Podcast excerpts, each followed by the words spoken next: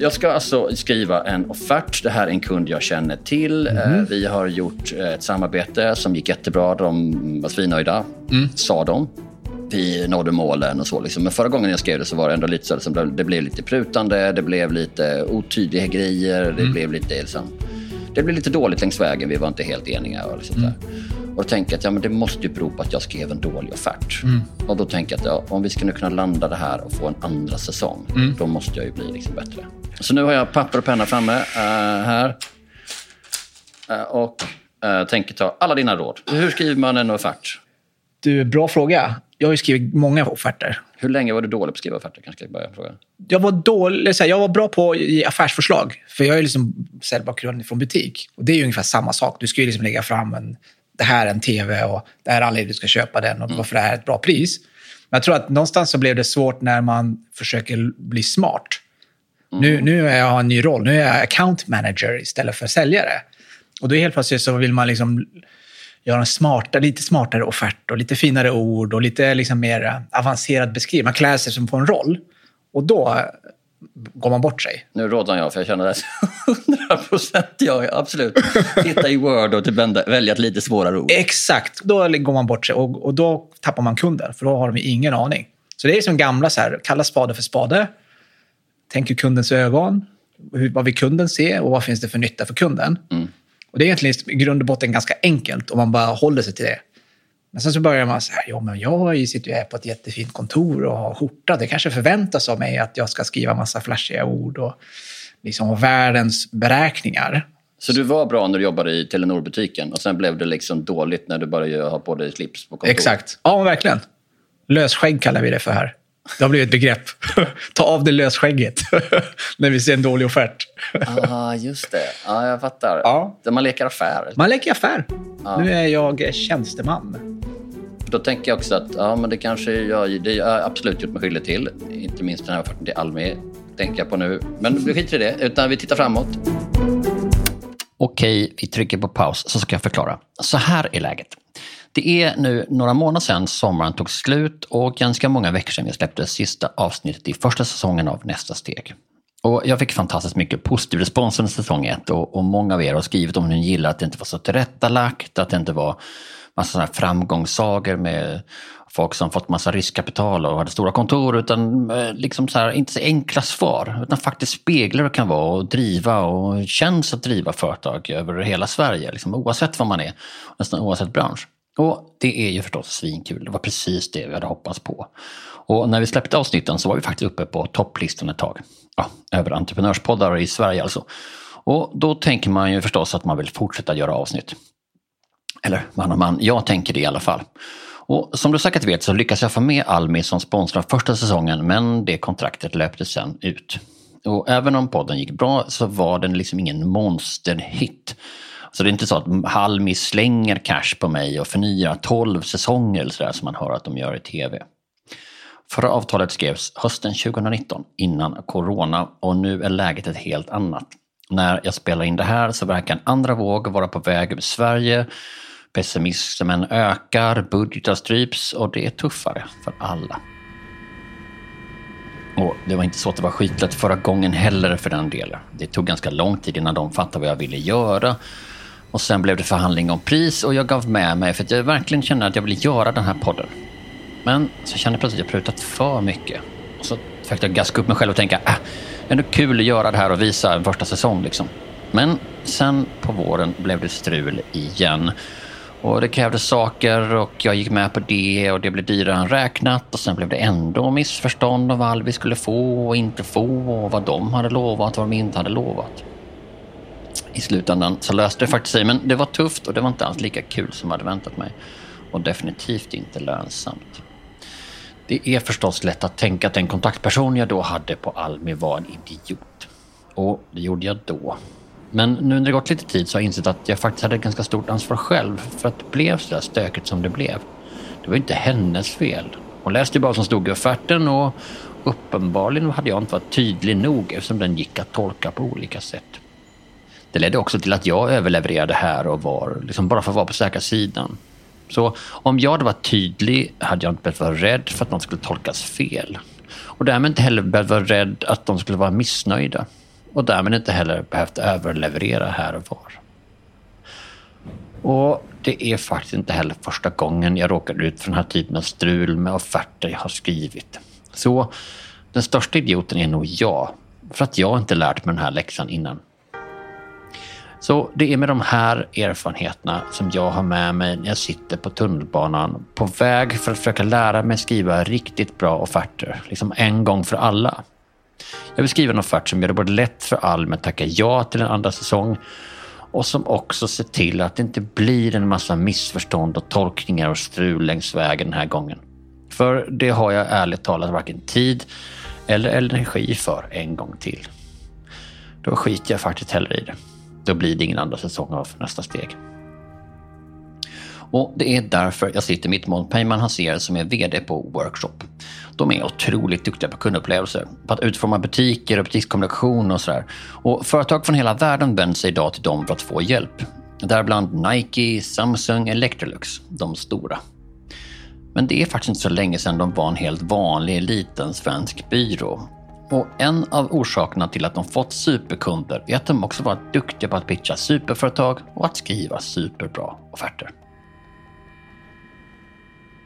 Var ska jag då liksom börja med? Vad är det viktigt att förstå här? Det absolut viktigaste, jag försöker titta på våra konsulter när mm. de gör affärer. Så ibland kan det vara ganska enkelt, men ibland är det liksom lite mer komplex försäljning. Mm. Men vad jag går och tittar på, är det här så enkelt så att kunden kommer att förstå? Och jag tror det absolut största misstaget man gör, det är att jag kanske lägger liksom tre timmar på att göra en offert. Och tänk då så mycket tid jag har lagt på att förstå och liksom eh, räkna fram och tillbaka och byta ut ord och liksom verkligen tänka igenom det. Och så tänker man att så här, jag har ju liksom tre timmars försprång till kunden. Mm. Förstår du vad jag menar? Mm. Så när kunden får det här framför sig, det är liksom, då, då kan det vara ganska svårt att förstå en offert. Och motparten har suttit liksom tre timmar och bänt på varje ord och försökt ha värsta uträkningarna. Och bytt ut till lite svårare. Och bytt ut till svårare ord. Och då tror jag att många kunder liksom tittar på det och först är så här, fan, jag måste, liksom, måste läsa på liksom, om och om igen för att förstå. Det får ju som inte hända, för då har man ju tappat eh, kunden. Och tänk då om kunden har två, tre andra offerter och ska göra samma sak med alla tre. Då lutar man åt den offerten som man har kanske enklast att förstå. Det är den man kommer liksom att gå, lite gå vidare med. Mm. Inte den som är liksom superkomplex och någon supersäljare har suttit i tre timmar och snickrat ihop. Eller tre dagar. Eller tre dagar för den delen, eller en vecka. Men så, så det är liksom hålla det enkelt. Det är jäkla konst alltså. Det är mm. inte svårare än att håll offerten enkel. Men det handlar inte om längd, för ibland hör man att håll det, skriv inte långt. Utan det handlar mest om att språket ska vara enkelt. Det ska vara ett enkelt språk. Jag tror att du måste tänka på det i alla liksom moment i offerten. Tänka på så här, hur ser kunden på det här? Mm. Om jag är kund, och vad läser jag då? Och vad är viktigt för mig i den här offerten? Det här är nog min akilles häl. För jag har inga problem med att läsa in mig på massa forskning och fakta och sådär och sen sammanfatta det så folk förstår det i en kort text eller en video. Men när det gäller något jag ska sälja till en kund så blir det lätt ordrikt. Det blir som, jag blir så mån om att få med att jag överförklarar. Jag babblar till och med. Så jag frågar Peyman var man ska börja. Borde jag börja med att beskriva problemet som jag uppfattat det och hur jag vill lösa det? Ett exempel som bara för några dagar sedan. En ny kille på jobbet, superduktig, liksom, eh, kommer från fält och liksom blir account manager. Och då har vi ju anställt honom i den tjänsten för att han är så grym för den han är. För han är så här superenkelt, berättar som det är, eh, liksom förmåga att göra det enkelt och få folk att förstå. Och så kommer man in i rollen och då blir man ju konsulten. Och så liksom ska han då sätta ihop ett ganska enkelt paket. Men då, då är de här paketeringarna, som är så small, medium, large, då, då står det så här, i small-paketet, då får du eh, 30 UX-designer, 20 eh, analytiker och så vidare. Och då sa jag så här, men om du går och köper en sko från Nike, då, då vill inte du veta så här, av de här 1400 kronor så kommer 30% av den kostnaden är för den här ingenjören som har gjort sulan och 20% för de har liksom beskäraren och så vidare. Du vill veta så här, varför ska jag köpa, varför ska jag lägga 1400 kronor på den här skon? Mm. Eh, så tänk inte som en konsult, för då, då har man ju liksom förmågan att här, inveckla saker istället för att utveckla saker. Och då tror jag, då, då för honom landade polletten ner. Så här, skriv bara att i det här paketet, då får du liksom X, Y och Z till det här priset. Eh, och du har medium och large. Men menar du också att det kanske var lite dåligt självförtroende då? Att liksom försöka motivera det här? Absolut. Ja. Jag tror i grund och botten är det det. För jag tror att all, det förväntas av oss att vi ska vara superstjärnor och göra världens liksom, mest avancerade, genomtänkta offerter. Och då blir man ju liksom hur långt ett snöre istället för att hålla det supersimpelt. Jag tänkte mer så här på det som att jag alltså någon slags ekonomiskt dålig självkänsla. Tänker du då? Jo, men att så här, men det, här, det här kostar 1400, det är för att den är värd det för fan. Ja, exakt. Så, den här kostar 1400 och det beror på det här. Liksom, ja. så att, liksom, alltså, då blir... Men det, det, är bra, där är du på någonting. För att, eh, exakt, när du inte vet varför, när du inte kan motivera varför det här kostar 1400, mm. det är då man börjar klä det med tusen ord. För du vill liksom på något sätt överkompensera det med att ha tusen förklaringar. Mm. Och, det, och det är spot on. För det är precis det som är. Om du vet exakt med en mening varför kostar den 1400, varför är den värd det? Då behöver du inte liksom överförklara det med, med massa fancy words. Är det så att mitt problem är att jag har svårt att prissätta värde, tänker jag? Det kan vara en liten grej man gör som har stort värde men som är inte så svår att göra. När Peyman och hans kollegor gör om någons butik så kanske de inte ens skapar något nytt, inga nya fräna idéer. Utan de tar bara bort en massa dåliga saker. Och det har ju också ett jättevärde. Så hur prissätter man sånt i en offert? Jag får liksom inte riktigt ihop det känner jag. Offerten, det är ju någonstans det är ju liksom det yttersta spetsen på ditt företag mm. och din produkt och ditt erbjudande. Så det går ju tillbaka till det. Ju tydligare värde din produkt skapar, desto enklare borde det vara att kunna förklara den i en offert. Men om man inte riktigt har jobbat igenom värdet och det värde det skapar mm. och så lägger man det i handen på en person som ska liksom offerera det, eh, då blir det supersvårt. Okej, så att mitt problem med offert var då tydligen ett systemproblem. Exakt. Jag tror det bottnar i att så här, fan, du måste jobba igenom jag att det här erbjudandet. helt fel håll. jag skulle få tre enkla grejer. Tre enkla bara, grejer. Ah, fuck. Um... Jag kan ge dig tre enkla grejer, men jag tror att du måste gå tillbaka då och säga vad är det? Vad är det? Och det har du säkert. Varför ska man lägga pengar Just det. hos er? Mm. Varför är ni bättre än andra? Ja, det, det, jag menar, det, sen kan man alltid hålla på med att tänka liksom, det enkla sättet att få en affär är att ha ett bättre produkt till ett lägre pris. Mm. Uh, men det är svårare när man liksom, för den här vi liksom la in så jävla mycket grejer och har levererat mer än vi skulle under första säsongen. Och då mm. kände jag att ja, men det kommer jag vilja ta höjd för, nu vill jag ja. ha betalt för det. Liksom. Ja. Så det här kommer ju åka upp. Liksom. Ja. Och då liksom håller man på lite grann och så funderar jag hur jag ska strukturera upp det. För liksom, ska man lägga in det här eh, för det känns som att det är värt mycket. Mm. Uh, fast det kostar oss skitlite kanske. Mm. Alltså att förstå mm. de där sakerna. Mm. Men det känns som att här behöver man ett par samtal till uh, kund då för att liksom kartlägga det. Ja, det finns ju två sätt att göra det på. Antingen så kan man ju... Det beror på vilken relation man har till kunden och hur länge man har jobbat. Mm. Så att man kan ju nästan... Innan man har skickat offerten så vet kunden i stort sett vad det är man ska få. Mm. Och då har man ju liksom sålt in det genom ett samtal. Så här tänker jag och det här är det och vi sätter det här priset och, liksom, och kunden säger ja men jag är med, jag förstår till 85 procent hur offerten kommer att se ut och vad det kommer att kosta. Då är det ju liksom mer en teknikalitet att försöka bara se till att det är så enkelt och överensstämmer med liksom det kunden vill ha. Här har jag tur för att jag numera faktiskt känner Eva på Almi som är vår kund så pass väl att jag kan ringa och stämma av lite efterhand. Men om man inte har det då? Om man inte har den relationen att jag kan ringa och säga att så här tänker jag, det är ju att i början på första försättsbladet, då skriver jag liksom max 5-10 rader. Vad är det jag, hur har jag tänkt kring det här affärsförslaget? Och då skriver jag det inte så här, när du köper detta så kommer du få världens bästa liksom, eh, högtrav. Utan jag skriver verkligen så här, jag har tänkt på det här sättet. Eh, och jag har tänkt, liksom, lagt in de här förslagen för att det kommer generera de här effekterna för er eller kommer vara liksom mer kostnadseffektivt. Och, och liksom. Så att när kunden förstår första bladet med mina egna absolut enklaste ord, då ska han eller hon veta, ah, nu fattar jag hur Payman har tänkt. Och då kommer man in till liksom offerten. Då har man liksom förstått 70 procent av konceptet. Och jag tror det är där man tappar bort kunden, att man skickar iväg någonting. Och så måste kunden liksom utbilda sig själv i vad du, hur du har tänkt. Mm. Då kan man istället förklara det på ett superenkelt sätt. Och det i sig är en konst att så här, fem, fem meningar var superkonkret. Men bara för att man är konkret i inledningen så kan man inte strunta i det i resten av offerten, säger Payman. Jag ska köpa, eh, jag sitter i vår bostadsrättsförening och har fått det otroligt ädla ansvaret att eh, upphandla säkerhetsdörrar. Så då kontaktade jag eh, en låsfirma. Och då den här låsteknikern, han skriver ju verkligen i mejlet, i offerten, jag har tänkt på det här. Och varför jag tror att det här är bra liksom, förslag till er. Verkligen superenkelt språk, inga liksom fancy pansy förklaringar. Och då tänkte jag, gud vad skönt, då fattar jag ju vad han har räknat fram. Och så öppnar man den här offerten och då är det så här, dörr SP4374 A6 med trefas, bla bla bla. Och då, och då tappar man ju liksom, jaha, jag har fan ingen aning om vad liksom, jag, jag förstår inte. Och då, då blir man lite så här, ah, måste ta reda på, kontakta honom och mm. sitta med honom. Så att jag tycker att det är så här, om man bara sagt att ja, men det här är den här dörren, översätt de här faktatermerna till faktiskt som kunder förstår.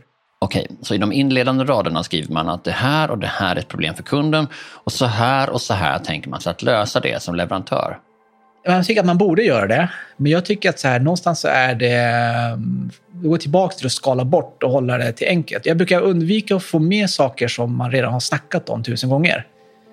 För det blir lite blaj-blaj. Så har man pratat med kunden om en utmaning, mm då är du liksom redan införstått med dem. Så det dyker upp liksom i mejlet att eh, per vår diskussion så är det... Så har jag tänkt på det här sättet. Mm. Och jag tror att det är också en sån grej att man vill klä det i saker och förklara. Och, och, det är ju i grund och botten bra. Men om man går tillbaka till det, så här, hur håller jag en offert så enkelt som möjligt och liksom rakt ner på kärnan? Mm.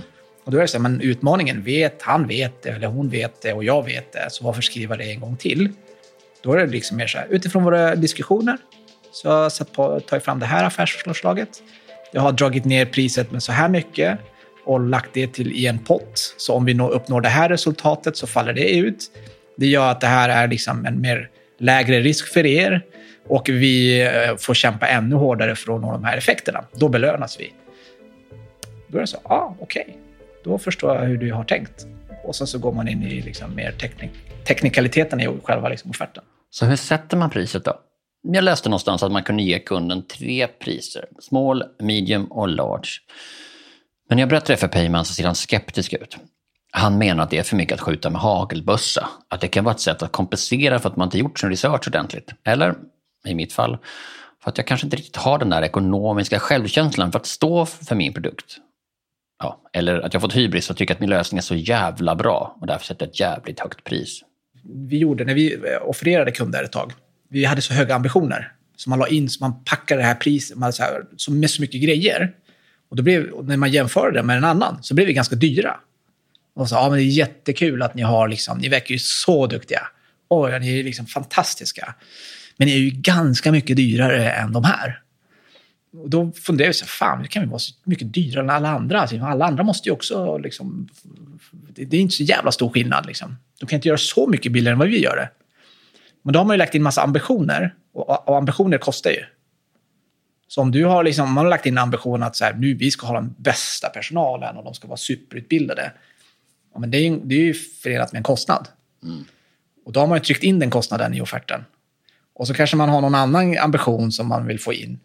Och helt plötsligt så, och då har man inte förklarat alla de här komponenterna för kunden. Utan man har sagt att ja, en, en konsult kostar liksom 100 000 i månaden. Och så kommer någon annan och säger att vår konsult kostar 70. Mm. Och då har vi haft mycket högre ambitioner i vår leverans än vad de har haft.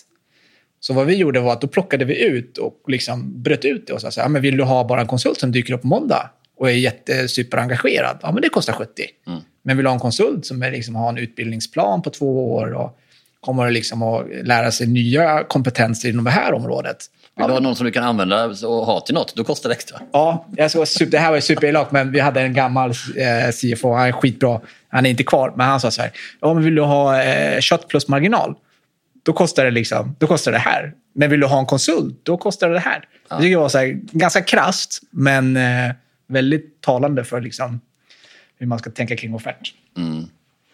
Ja, men just det där att man vill kanske spisa sig på lite för mycket på styva linan istället för bara det ska dyka upp någon på måndag, någon som inte är galen. Det är ja. egentligen, alltså, folk har förvånansvärt låga krav ibland. Ja, och så laddar man en massa ambitioner och då blir man dyr. Och så, så, så man går igenom, om det här och det, ja, det är utbildningar som kostar så mycket. Så för oss var det en sån jättestor aha-upplevelse som lyfte vår affär enormt bara av att komma till den insikten. För då började vi vinna affärer och göra bättre affärer. Eh, och vi fick nöjdare kunder som förstod vad vi faktiskt levererar. Men så de, då tog de sen er fast ni var då inom situationstecken dyrare? För Ja, pappret, för var ni, pappret var ni liksom lika billiga eller dyra som alla andra och sen köpte de då till? Ja, men det går tillbaka till det vi snackade om i början. Så här, vad är ditt erbjudande? Och vårt erbjudande var ju inte detsamma som de andras. För vi har massa andra saker som vi gör. Eh, Så våran konsult är inte bara någon som kommer till dörren och är glad på morgonen och vill göra jobbet. Utan då var det så här, jo men det finns ju massa andra saker som den här konsulten kommer att kunna hjälpa er med. Och det finns ett konkret liksom, värde av det. Eh, Så vad, för alternativet har ju varit att vi sänker våra priserna till deras nivå, konkurrenternas nivå, men behåller alla ambitioner. Då kommer vi inte kunna leverera på ambitionerna. Nej. Då kommer vi ha sämre marginaler och i värsta fall så går vi back. Ja, det kanske är, alltså det finns något som generande besserwisseraktigt över min inställning. Jag tänker att det, det är det här de tänker du borde då? ha. Ja, ja men exakt. För jag vet ju det, du har ju ingen jävla aning. Liksom. Ja. Du köper ju av mig. Ja. Alltså säger att det här, är, det här är en rimlig ambition. Ja. Piman ler när jag säger det här och jag tolkar det som att han själv har gjort mina misstag en gång i tiden men att han numera vet bättre. Nej, men jag, jag tror att man måste vara så här super... Eh, super ärlig, eller liksom rak med kunden. På ett så schysst sätt som möjligt som klart. Mm, för Det- blir de sura på det så vill du ändå inte jobba med dem. Nej, men exakt. Och det, är så här, det kan vara att de vill, för oss, då, det så här, men vi vill ha ett team konsulter som går in och liksom... Och då är det så här, men vill du styra de konsulterna själva, vad de ska göra? Eller vill du liksom ha någon som hjälper att ta fram en roadmap på det? Nej, men vi vill ju ha hjälp med att skapa effekter och såklart vi vill ha någon som kommer in och gör en roadmap och sätter planen. Bra, men då behöver du betala för det. Och om du inte vill betala för det, då landar du på ditt bord. Då får ju du liksom hålla i workshopen och göra roadmappen och driva dem till, liksom dagligen. Då är det så, ja, men det vill du inte göra. Nej, bra. Då, det är priset för det här. För att jag tror att man oftast lägger man, eh, man lägger beslutet på sig själv. I att sänka priset eller så, när man borde vända det tillbaka och säga, jo men hur vill du göra? Det är du som ska, det är du, du har ju alla möjligheter att köpa den här tjänsten och de här komponenterna eller inte. Men får dem att förstå konsekvensen. Peyman pausar här. Han ser på mig när jag antecknar snabbt med min spretiga handstil för att komma ihåg alla smarta saker. Och sen hjälper han mig med en sammanfattning för hur man skriver en bra offert. Jag tror jag är tillbaka till ta av sig lösskägget och inte tänka liksom att eh, jag måste eh, skriva massa fina ord och eh, låta supersmart och konsultativ. Utan så här, kalla spade för spade. Tittar du i kundens ögon. Vad vill kunden se? Vad vill kunden ha? Vad tycker kunden är värt? Eh, försöka vara transparent och bara hålla det superenkelt. Så att ta en offert. Det bästa man kan göra det är ju så här, ta, när man har skrivit en offert, ge det till någon som inte alls jobbar med det i organisationen eller teamet. Och sen så här, du, fan, kan, fattar du någonting av det här? Och då är det kanske någon som säger, jo men det här var ju bra. Eller hur, varför har du skrivit så här? Jag fattar inte. Det här ordet. Då är det så här, ja okej, check. Just det. Så man får en eh, liksom helt blanka ögon på den. Men har du också en sån här regel som är att du inte får lägga mer än tre timmar på en offert? Nej, ingenting så. Jag har inte, jag har inte tre timmar att lägga på en offert. Och jag har inte det tålamodet. Ehm, och då behöver jag, behöver jag lägga tre timmar, då vet jag att då har jag krånglat till det för mig. Så inom pengen. Så lägg så lite tid som möjligt. Ja, så så jävla mycket fel. Det är generande men befriande på en och samma gång att inse att man gör fel. Eller att man gör en jävla massa fel för den delen. I vanliga fall kanske jag hade bortförklarat en del av det här. Men en nackdel, eller fördel med att spela in sånt här är att man inte riktigt kommer undan. Jag har skrivit upp en lista av saker jag vill prata med Peyman om och en av dem skäms jag lite för, men jag har ju skrivit det på listan för att inte glömma bort det. På den raden står det, hur girig får man vara? Hur vet man om att, alltså det är också den här oron eh, slash girigheten att man lämnar pengar på bordet. Att de har 80 och så kommer man in med 40. Hur pejlar man det? Eller det är det där att, alltså, ja de har budget, men hur stor är budgeten? Alltså det går ju tillbaka till vad man vill att de ska göra. Man vill ju ha jäkligt bra betalt, men jag tror det går ju tillbaka till så här, ja, men är det värt 40 så är det värt 40. Och då är det så här, har man förmågan att förklara att för 40 till, då händer dessutom det här.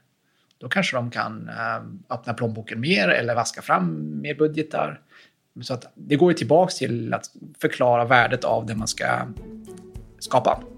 Mm, att veta sin egna produkters värde. Helt Ja, enkelt. sen är det så här, fan, om, det, man har gjort tusen gånger. Man har ju sålt sig för billigt. Ja. Bara, fan, jag hade kunnat ta liksom, en miljon för det här. Jag tog eh, 400 000.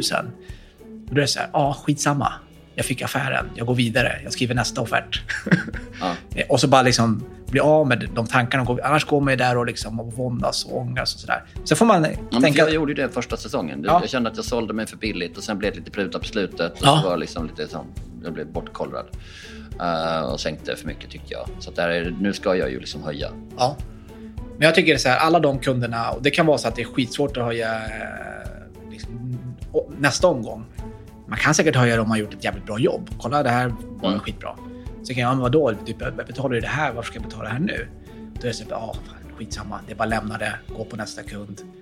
Och så får man hela tiden se till att varje kund, varje ny offert blir bättre än den förra. Mm. Och det är så man lär sig. Mm. Så har man ju sålt sig för billigt så vet man ju nästa gång att fan, när de här signalerna kommer, då ska jag liksom lägga på det dubbla. Tack snälla. Tack själv. Eh, Lycka till! nu ska jag hem och skriva ordentligt, men det fick jag inte heller göra. Nej, exakt. Håll det, håll det enkelt. Inga timmar. Vi får se hur det går med det i alla fall. Ja. Jag tar tunnelbanan hem och sätter mig och skriver.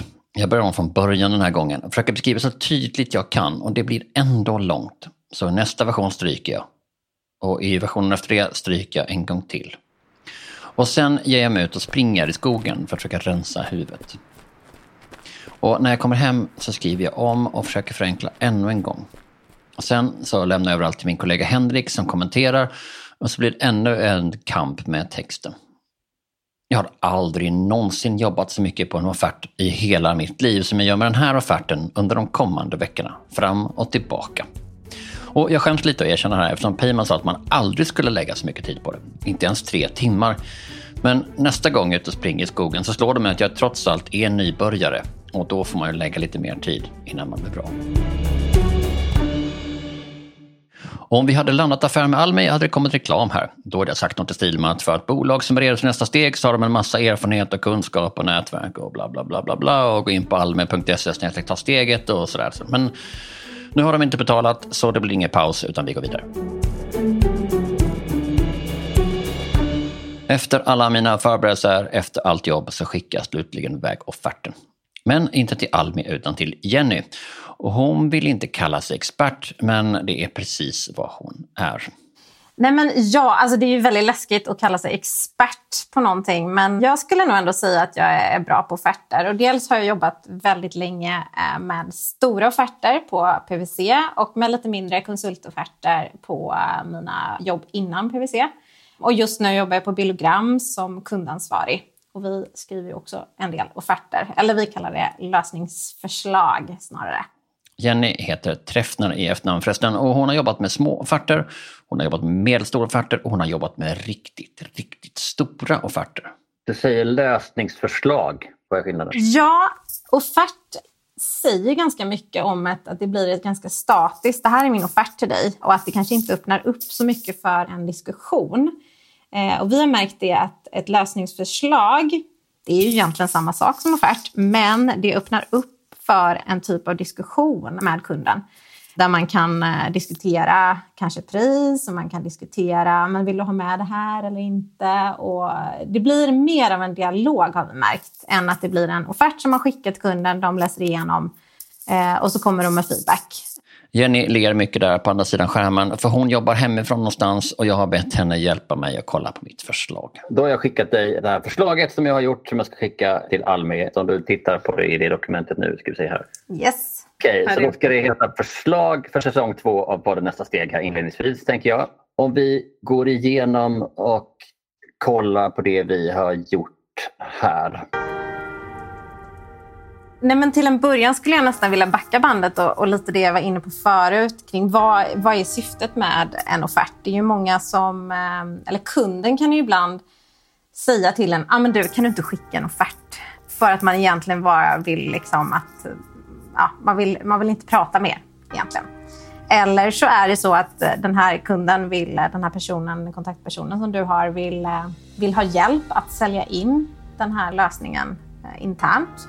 Och då har ju offerten ett annat syfte, att man ska liksom kommunicera vidare. Så det finns ju lite, men jag antar att du har haft en, en, bra dialog med den här personen innan som du skickar offerten till. Ja, men vi har en bra dialog och vi... Jag går igenom läget med Jenny och hur jag tänkt och hur jag försökt inleda offerten med tillbakablick för att ge en bakgrund ifall offerten hamnar hos någon som inte har en aning om vilka vi är. Så att, eh, därför försöker jag i den här offerten att liksom, eller förlåt, förslaget har jag lärt mig nu. Mm.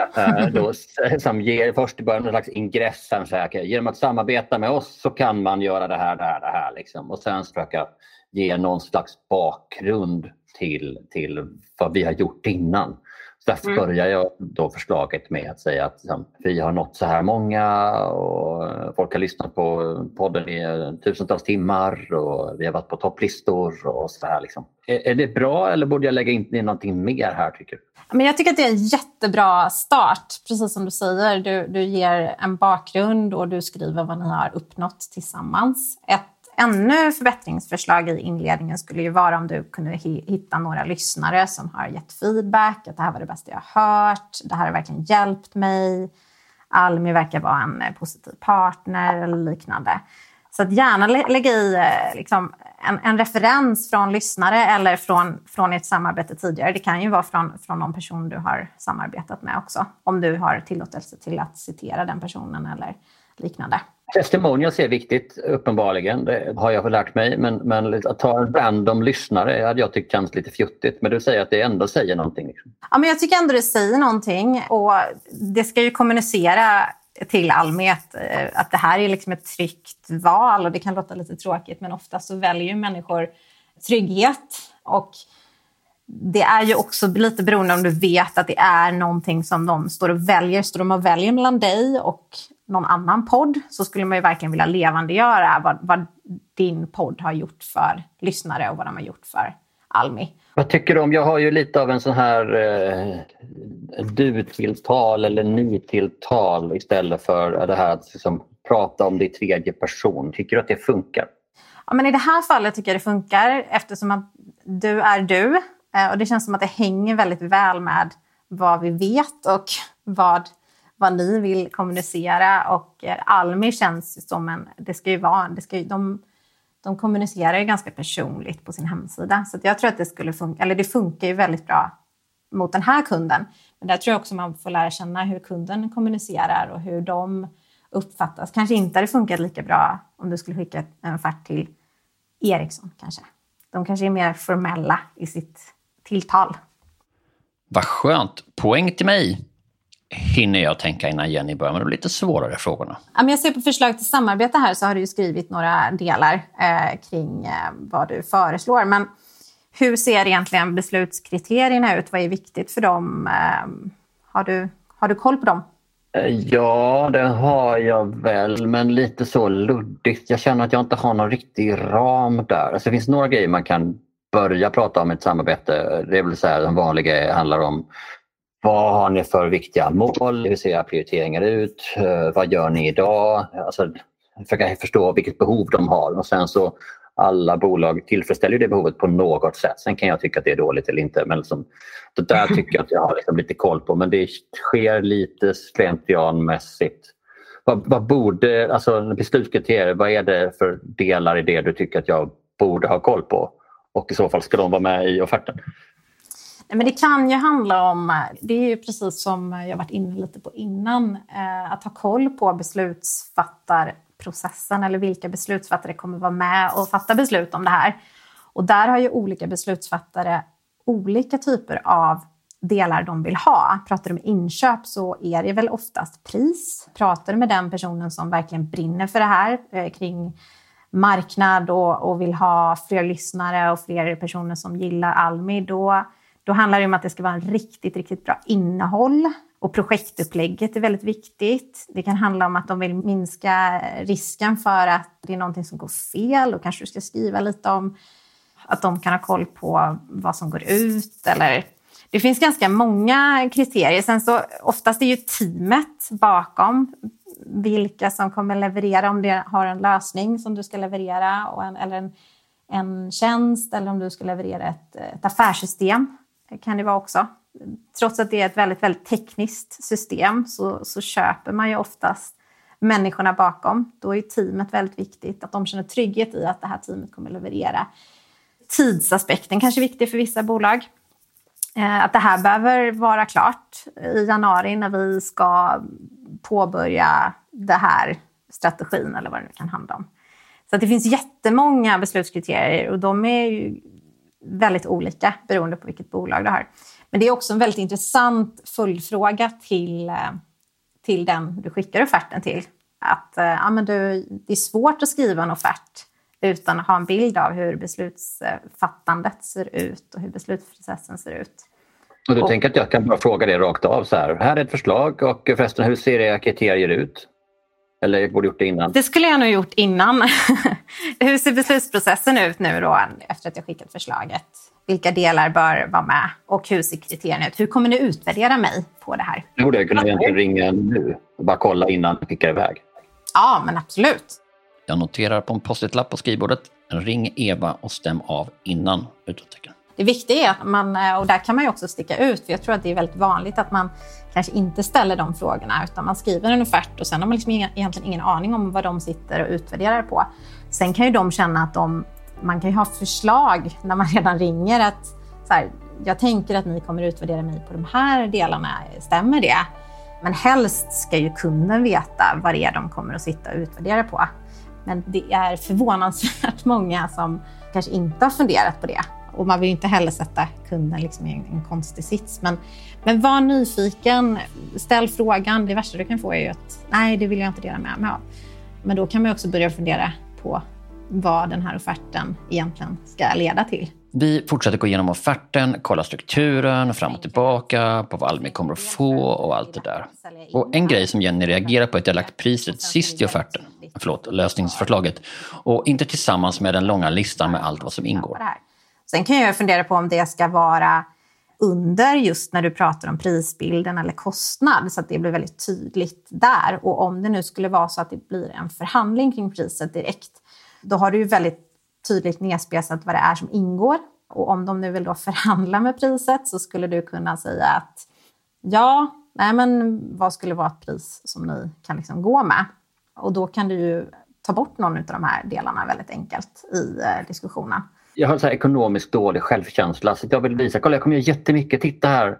Jag säger så här, titta mamma, kolla hur mycket grejer jag kommer på. Och sen när jag sagt allt det, så, och det kostar det här. Det är, alltså, jag, någonstans strategin bakom det här är väl att Alltså en bättre produkt till ett lägre pris vill ju folk alltid köpa. Uh, mm. I det här fallet ska vi visa att man får en bättre produkt eller ännu mer och sen är priset också lite högre. Att, tanken här är att Eva då ska bli överväldigad av att känna att här är skitmycket saker. Det kostar bara så här eh, mycket. Ah, nej men absolut. Det finns ju olika... Eh, som sagt, du känner ju din kund eh, bäst här. Men jag tycker också att det är bra att du har delat upp det. För det blir ju väldigt lätt för dig kanske att plocka bort någonting sen om det är så att det blir en prisförändring, vilket det nästan alltid blir. Eh, så att eh, gällande priskänslighet och pris, alltså, det blir nästan alltid en förhandling. Så att du ska hitta någon eh, så att du har någon prutmån också i, i ditt förslag. För det är ju väldigt psyk, liksom, psykiskt härligt när kunden får känna att man har faktiskt gjort en bra deal. Det kommer man ju väldigt långt på. Men då ska du såklart ta bort någonting också för att eh, visa att du går ju minsann inte bara ner i pris utan det är viktigt att plocka bort någonting i så fall. Eller ha någonting optional ja men jättebra, men vi kan gå med det här priset och så har ni det här som kostar det här om ni kommer köra med det och det kan ni ha liksom lite som en valfrihet men, men det kan ni liksom plocka bort eller plocka på. Peyman rådde mig till att bara ha ett pris, men jag känner mig ännu inte riktigt säker på vilken budget Almi har och vill inte skjuta över eller under. Så jag frågar Jenny vad hon tycker. Och hon är tveksam, men föreslår en annan lösning. Om du går bort från de här tre prisförslag. Ett annat förslag skulle ju vara att du sätter en, en, liksom en fast kostnad och sen en rörlig kostnad. För då kan du ju också se så här, men det är det här det kostar och då kan du komma under någon gräns. Men sen så finns det ju delar då som är optional och där du kan liksom ha på rullande per timme. Det finns ju ofta så att man, eh, till exempel nu när vi säljer billogram så kan det dyka upp saker som handlar om att vi måste bygga nya grejer, bygga nya funktioner. Eh, och det är ju sånt som läggs on top of det som grundpaketet kostar. Jag fattar vad hon menar, men jag ser inte riktigt hur jag skulle kunna föreslå det. Så det här kommer jag nog att köra på med tre förslag, känner jag nu. Jenny scrollar upp och ner i förslaget. Det är som hon letar efter något och, och efter en liten stund så inser hon vad det är. Offerten, förlåt, lösningsförslaget, har en struktur, men det syns inte. Och så saknar hon ett kort intro. Kanske också en, en del i att ha en, en liten kort inledning, vad det är för någonting, varför du har skrivit det här, vad, vad är drivkraften bakom? Och även kanske ha en eh, kort agenda eller innehållsförteckning eller någonting som man snabbt kan se. Äsch, Peyman sa ju exakt samma sak. Hur kunde jag glömma det? Då skriver jag liksom max 5-10 rader. Vad är det jag, hur har jag tänkt kring det här affärsförslaget? Och då skriver jag det inte så här, när du köper detta så kommer du få världens bästa liksom, eh, högtrav. Utan jag skriver verkligen så här, jag har tänkt på det här sättet. Eh, och jag har tänkt, liksom, lagt in de här förslagen för att det kommer generera de här effekterna för er. Så jag gör en anteckning om att lägga till det i nästa version och inser att Jenny också efterfrågar fler bevis, röster från andra som tycker att vi är toppen. Okej, okay, kort intro vilka vi är och vad vi brukar göra och där kanske man då in med lite logotyper på andra kunder man jobbat med för folk brukar väl tycka sånt är, det är också en typ av uh, testimonials. Ja men precis, alltså hela grejen är ju att du ska ju precis bygga ett förtroende genom den här offerten och det gör man ju genom att ha referenser och visa att du har gjort det här förr. Och eftersom att du har gjort det här förr så behöver du inte heller tweaka på sanningen. Liksom. Det är ju värre om man, om, man, om man provar något nytt. Då är ju, eh, får man ju kanske skruva lite mer på den inledningen. Men, eh, man börjar prata om att vi i teamet har tillsammans 175 års erfarenhet av den här branschen och sånt. Precis. Precis. Vi har faktiskt en lite läskig story där när vi gjorde globala offerter. Då faktiskt eh, offertteamet där vi hade skrivit att vi samarbetar över gränserna och det, allting är så himla bra. Men så lyckades de på presentationen för offerten eh, gå och hälsa på varandra. Så att PVC-folk eh, hälsade på varandra internt i mötesrummet. Och den offerten gick inte riktigt så bra. För att det visade ju inte att vi alls, vi var ju inte alls ett team, utan det blev ju väldigt, väldigt knasigt. Jag skriver i min anteckningsbok, inte låtsas som man är nordisk när man inte är det. Tack snälla Jenny eh, för detta. Då ska jag försöka liksom eh, skicka iväg den här och så hoppas man... Alltså, hur länge ska man egentligen vänta? Är det pinsamt att vara för snabb? Det tycker jag inte. Det värsta som kan hända är ju att de säger nej men vi kan inte prata nu och vi, vi håller på att titta på det här. Men, men förhoppningsvis så vet du så pass mycket om beslutsprocessen att eh, du vet när det är läge att höra av sig. Eh, att de säger att nej, men vi kommer ha ett beslutsmöte och då kommer vi ta det här i beaktande. Men eh, jag tycker att det är alltid bättre att höra av sig kanske en gång för mycket än en gång för lite i alla fall. För det kan ju pågå väldigt mycket bakom kulisserna som inte du vet om och folk som har frågor om offerten och kanske inte vågar ringa dig. Utan eh, bara så här, har den kommit fram? Har ni några frågor, initiala frågor?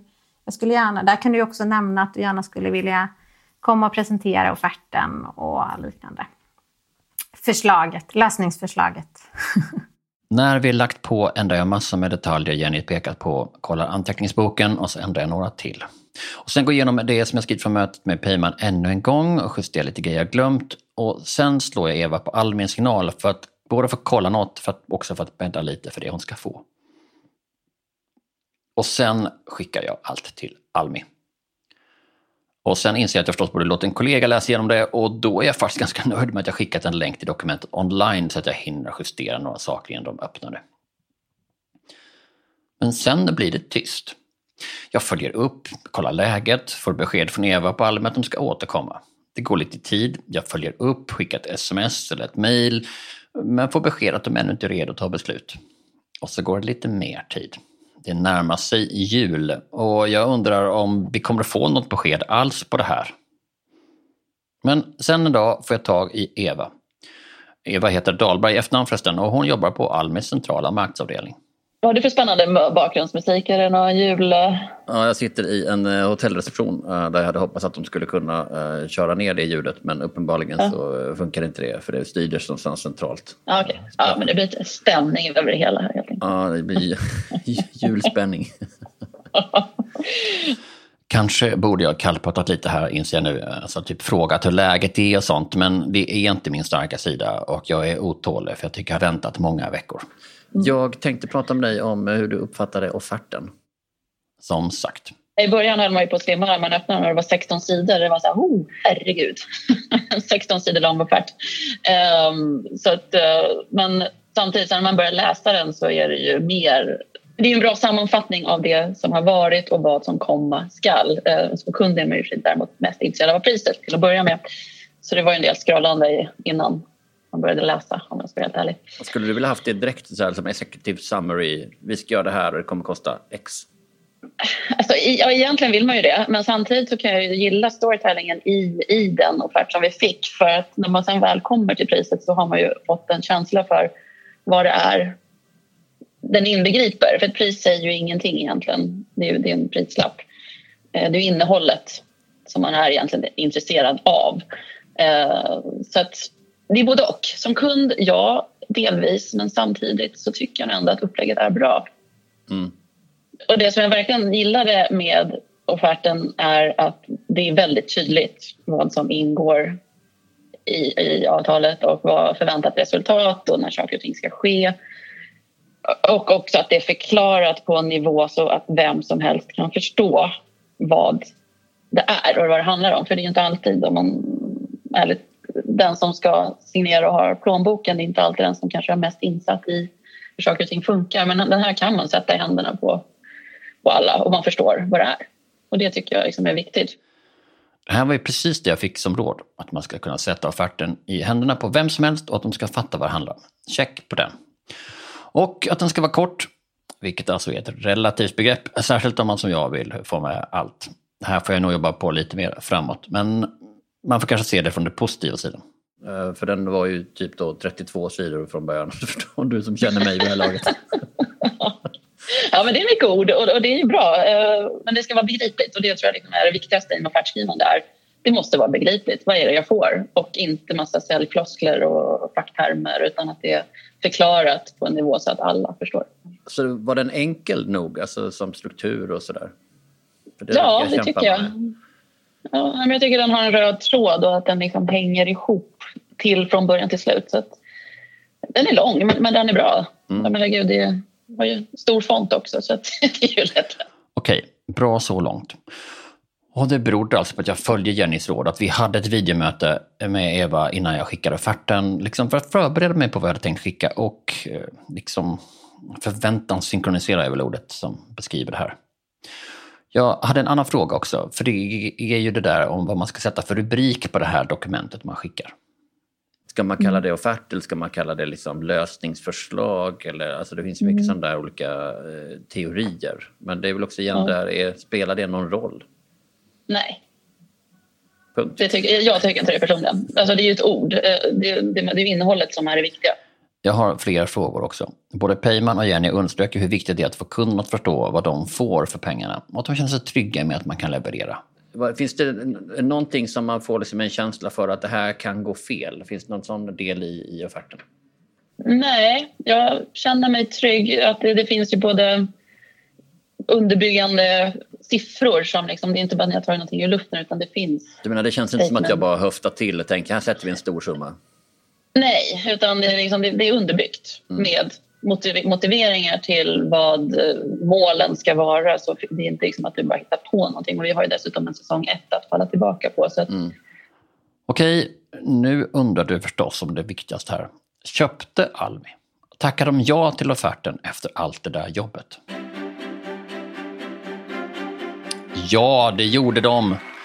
Så tack vare att Almi är vår samarbetspartner så blir det en säsong två och i den kommer du få lära dig en massa saker om hur man gör kunder nöjda, om kontor och grejer att satsa på, till hur man gör planer för framtiden och vad man gör när man inser att det är dags att byta affärsidé och satsa på något helt annat. Prenumerera eller följ nästa steg här i din poddapp så missar du inte de kommande avsnitten i säsong två. Tro mig, jag har lärt mig massor i de avsnitt vi nu hunnit börja spela in. Så prenumerera nu. Jag har också lärt mig att folk alltid gillar när man tipsar om en sak de kan ha nytta av direkt. Så känner du någon som du skulle vilja tipsa om det här avsnittet för att hjälpa dem bli ännu bättre på att skriva offerter? Ja, men använd dela-knappen nu. Det tar ju bara några sekunder så blir de skitglada. Om du är inne i Apple Podcast, se till att ge podden högt betyg. Nästa steg är en podd från Vad vi vet. Den som hjälpt till och klippt och producerat är Jens Back och jag heter Per Granqvist. För mer inspirerande och lärorika berättelser om företagande följ oss på Instagram snabel www.foretag. Du kan också följa oss på vad vi vet i alla sociala kanaler för att få faktabaserade förklaringar av aktuella händelser varje dag. Vi hörs snart igen.